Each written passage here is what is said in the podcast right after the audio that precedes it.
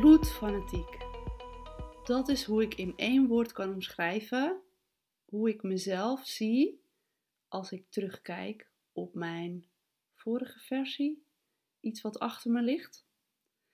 In deze podcast neem ik je mee over mijn verhaal in relatie tot de stress die ik altijd heb ervaren en wat me dit heeft gebracht. Zoals ik net al zei, als jong meisje en als jong volwassene was ik bloedfanatiek in alles wat ik deed. Ik deed het niet of ik deed het met de volle 100%. Vanuit 100% energie, focus, aandacht. En dat kan ik dus kort samenvatten in bloedfanatiek. En als je mijn eerdere podcastafleveringen hebt beluisterd, dan herken je hier waarschijnlijk ook het cholerische temperament. En als je nu denkt, mm, wat was het ook alweer? Of waar heeft ze het over? Luister dan vooral even podcast aflevering 12 terug, waarin ik vertel over het cholerische temperament vanuit de vier temperamenten. En die vier temperamenten, een inleiding daarin, geef ik in podcast aflevering 3. Nou, tot zover. Weer even terug naar mij als de jeugdige Sandra. Ik had een hele, hele grote hobby en dat was paarden. En op mijn elfde kreeg ik een pony van mijn ouders. Iets waarvan ik heel goed realiseerde dat dat niet iedereen die een pony wilde, dat ook daadwerkelijk kon krijgen. Krijgen, dat klinkt een beetje gek, maar nou ja, goed. Ik denk dat je wel snapt wat ik bedoel. Het is een kostbare hobby en niet iedereen kan dat simpelweg betalen of heeft dat ervoor over en wil dat betalen voor zijn kind. En mijn ouders waren zo gek en daar was ik gewoon een dikke, vette bofkont mee. En na ongeveer een jaar ging ik wedstrijdjes rijden en daarin werd wel iets aangewakkerd vanuit mijn cholerische temperament, zullen we maar zeggen. Dus ik trainde hard, ik trainde fanatiek, ik lette goed op bij de lessen en dat trainde ik thuis en ik reed dus zeven dagen in de week op mijn pony. En al vrij snel voelde ik, ik wil er nog een pony bij of een paard. Nou ja, ik werd ook groter, dus het was logisch dat dat een paard zou worden. En ik ging sparen. Ik uh, deed inmiddels een krantenwijk.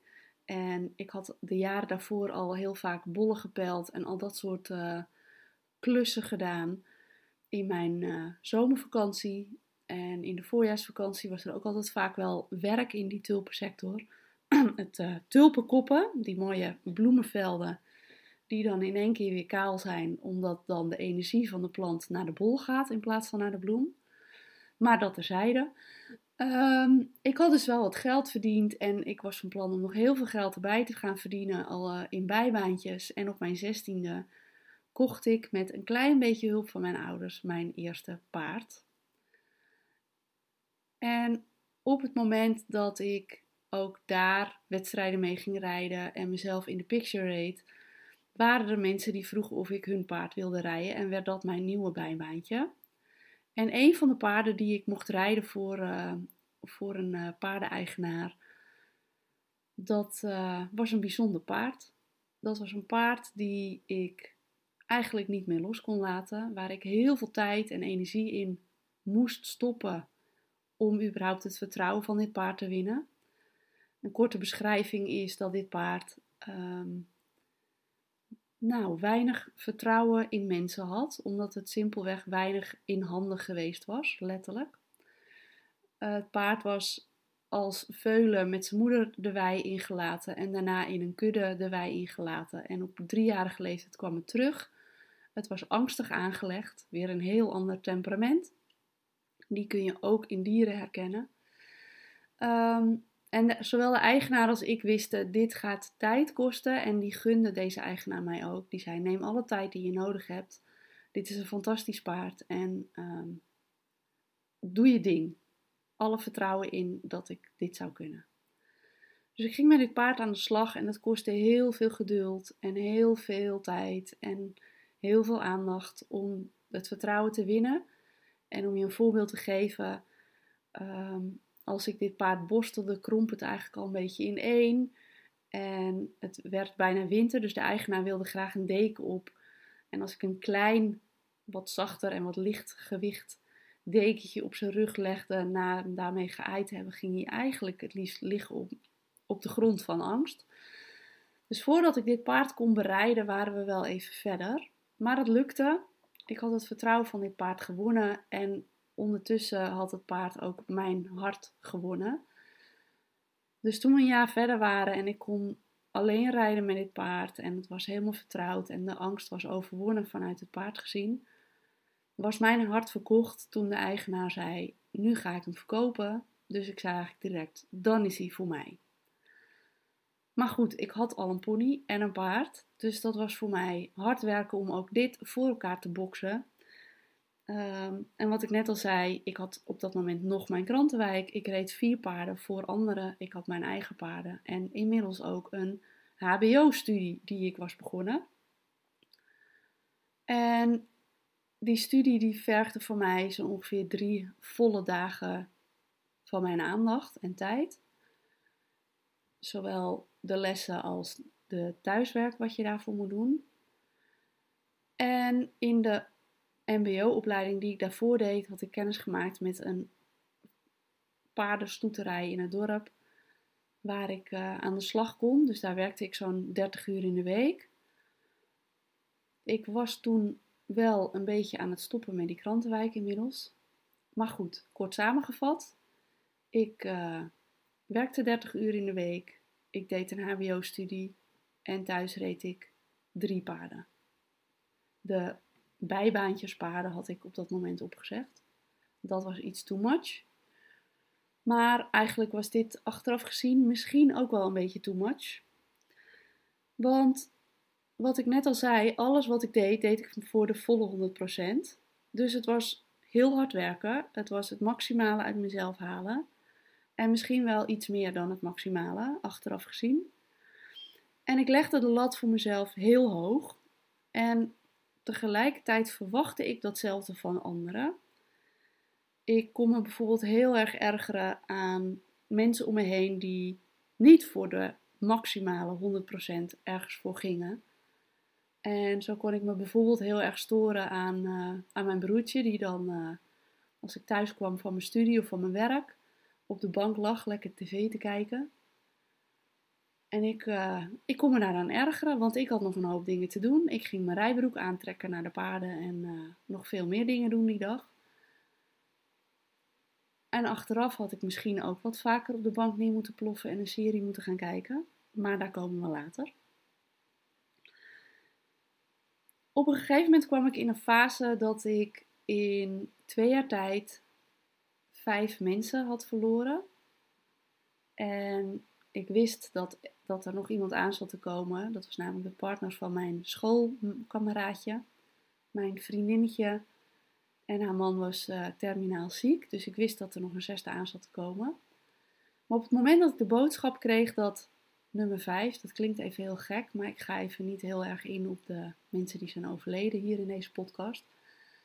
Maar toen ik de boodschap kreeg dat uh, persoon nummer 5 was overleden en uh, hoe die in koele bloeden was vermoord, nou doe ik het toch een beetje. Toen deed het me niks. Het raakte me niet. En met mijn hoofd wist ik, ai, dit klopt niet helemaal. Dat ik niks voel bij deze boodschap. Dus ik ging naar de huisarts en die verwees mij door naar een psycholoog. En na een uh, uitgebreide intake zei zij tegen mij: Je komt net op tijd. Je staat op het randje van de afgrond. En zij adviseerde mij om. Uh, inmiddels was ik wel van baan geswitcht trouwens, naast mijn studie die nog steeds liep. Ik uh, werkte in een apotheek en zij adviseerde mij om de helft van het aantal uren te gaan werken. En in die tijd die ik daardoor vrijmaakte, niks te doen. En dat voelde heel oncomfortabel. En waarom dat oncomfortabel voelt, dat snap ik nu en dat heb ik je verteld in podcast aflevering 4. Stress is verslavend. Als dit een interessant onderwerp voor je is om te leren waarom dat dan zo oncomfortabel voelt, dan adviseer ik je zeker om deze aflevering nog eens terug te luisteren. Maar goed, zo kwam het dus dat ik ehm, op een dag op het strand zat. Het strandje hier uh, in Horen aan het IJsselmeer. Terwijl mijn collega's aan het werk waren. En dat voelde oncomfortabel en ik voelde schuldgevoel en ik voelde van alles, maar het was in ieder geval niet fijn. Dus het was ook verre van ontspanning ervaren. Nou, in die periode heb ik heel erg geleerd waar mijn grens lag. En had ik mezelf ook echt duidelijk voorgenomen: dit nooit weer. Dus uiteindelijk vond ik de rust, ging ik weer aan het werk en deed ik alles weer volle bak, maar wel met een slag om de arm als er andere dingen bijkwamen. Want ik denk dat je heel lang, ontzettend lang, een hoge werkdruk kunt ervaren. Maar als er dan in die volle emmer, om het zo maar eens even beeldend uit te drukken, als je daarmee je emmer vol hebt en er komt een hoos bij omdat er iemand overlijdt of er gebeurt iets anders in je omgeving of op het werk, dan kun je dat er simpelweg niet meer bij hebben. Dus ik heb daarna wel die grens meerdere keren weer aanvoelen komen, waardoor ik gas terug kon nemen, tijd voor mezelf creëerde, rustmomenten voor mezelf creëerde. Maar feit was natuurlijk, als ik dat zo op een rijtje zet, dat ik mijn grens wel had leren kennen, maar dat ik nog niet geleerd had om mijn diep gewortelde patronen om alles voor de volle 100% te doen en altijd maar aan te staan. En mezelf daarin dus geen rustmomenten te gunnen. Dat ik toch iedere keer wel weer tegen die grens aanliep om vervolgens wel weer anders te kiezen en niet over die grens heen te gaan. Dus dat was natuurlijk wel een grote winst. Maar er was nog wel wat winst te behalen in hoe zorg ik ervoor dat ik niet meer in de buurt kom van die grens. Dat ik balans creëer in mijn leven, zowel werk als privé, als studie. Maar dat was toen daarna inmiddels ook wel een keer afgerond. Ehm, maar hoe zorg je ervoor dat je balans houdt? Waardoor je periodes ook kunt pieken en over grenzen heen kunt gaan, omdat je weet dat je ook weer onder die grens kunt gaan zitten. En dat je vertrekpunt is dat er balans is, dat er rust is. Dan kun je pieken. Ja, als het vertrekpunt klopt, dus als er balans is tussen ontspanning en inspanning, tussen uitdaging en uh, lekker saai niks doen, dan kun je vanuit dat vertrekpunt echt wel pieken. Dan kun je als je collega ziek is er uh, drie, vier pleeggezinnen bijnemen onder je hoede, omdat je weet dat het tijdelijk is en omdat je weet dat je ook weer onder die grens kunt gaan zitten om te herstellen van dat pieken. Maar goed, dat duurde nog even voordat ik dat leerde. Hoe ik één uit die patronen kon blijven. Uh, hoe ik nieuwe gewoontes aanleerde. En hoe dit onbewuste gewoontes werden. Dat het niet constant aandacht vraagt, maar dat het vanzelf gaat. Dat het een, een way of life wordt, is, geïntegreerd is. Nou ja, dat. Ehm, de belangrijke dingen die ik hieruit geleerd heb en die ik daarna nog geleerd heb en nu inmiddels ook echt wel geïntegreerd heb in mijn leven, is dat ik mezelf beter heb leren kennen vanuit de vier temperamenten dat ik heb geleerd wat stress fysiek in mijn lichaam doet. En dus ook wat het van mij vroeg om uit die stressmodus te stappen. En als derde, wat belangrijk voor mij is geweest, is een stukje zelfliefde. Het mezelf gunnen om rust te nemen. Het mezelf gunnen om gezonder te leven, gezonde voeding te nemen bijvoorbeeld. Om die gezonde maaltijd met aandacht voor mezelf te maken. En niet te kiezen voor het in elkaar flansen van even een snelle pasta, want eten hoort er nou eenmaal bij.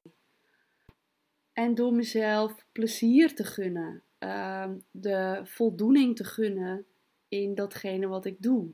En niet to-do-lijstjes afwerkte en achteraf die vervulling te voelen, maar te genieten van de dingen die ik doe, ook van de dingen die er nou eenmaal bij horen. Dus in hoofdlijnen zijn dat denk ik wel de drie lessen die ik geleerd heb om uit die stressmodus te stappen en bij die grens die ik had leren kennen in die eerdere fase, om daarbij weg te blijven. Dus één, mezelf beter leren kennen aan de hand van de vier temperamenten. Twee, leren wat stress fysiek doet in je lichaam en anders te kiezen. En een stukje zelfliefde en zelfcare. Dus dat is een beetje mijn verhaal over hoe ik bloedfanatiek was, waarbij ik over mijn eigen grenzen heen ging, om te komen waar ik nu sta, zodat ik vanuit die fijne modus bloedfanatiek kan zijn in datgene wat ik jou wil leren. Ik gun jou ook dat stukje stressvrij werken. Die werkdruk ombuigen naar werkplezier. En vanuit de rust en de ruimte die je daarmee in je hoofd creëert, het succesvoller maken van de pleegzorg.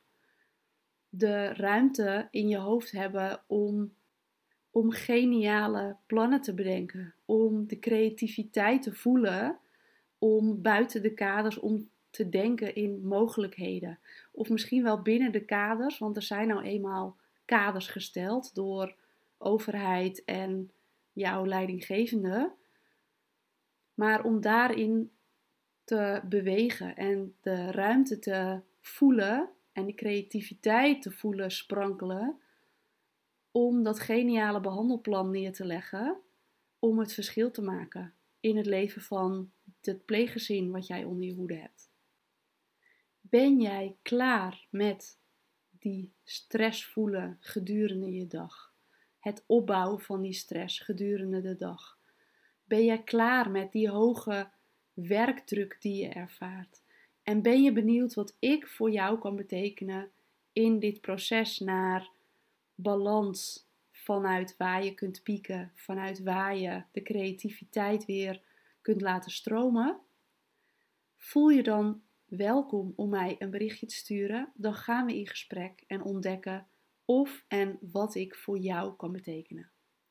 Stuur me een berichtje via mijn LinkedIn-pagina of op mijn e-mail. De links vind je hieronder in de show notes. En voel je van harte welkom. Ik kijk uit naar jouw berichtje.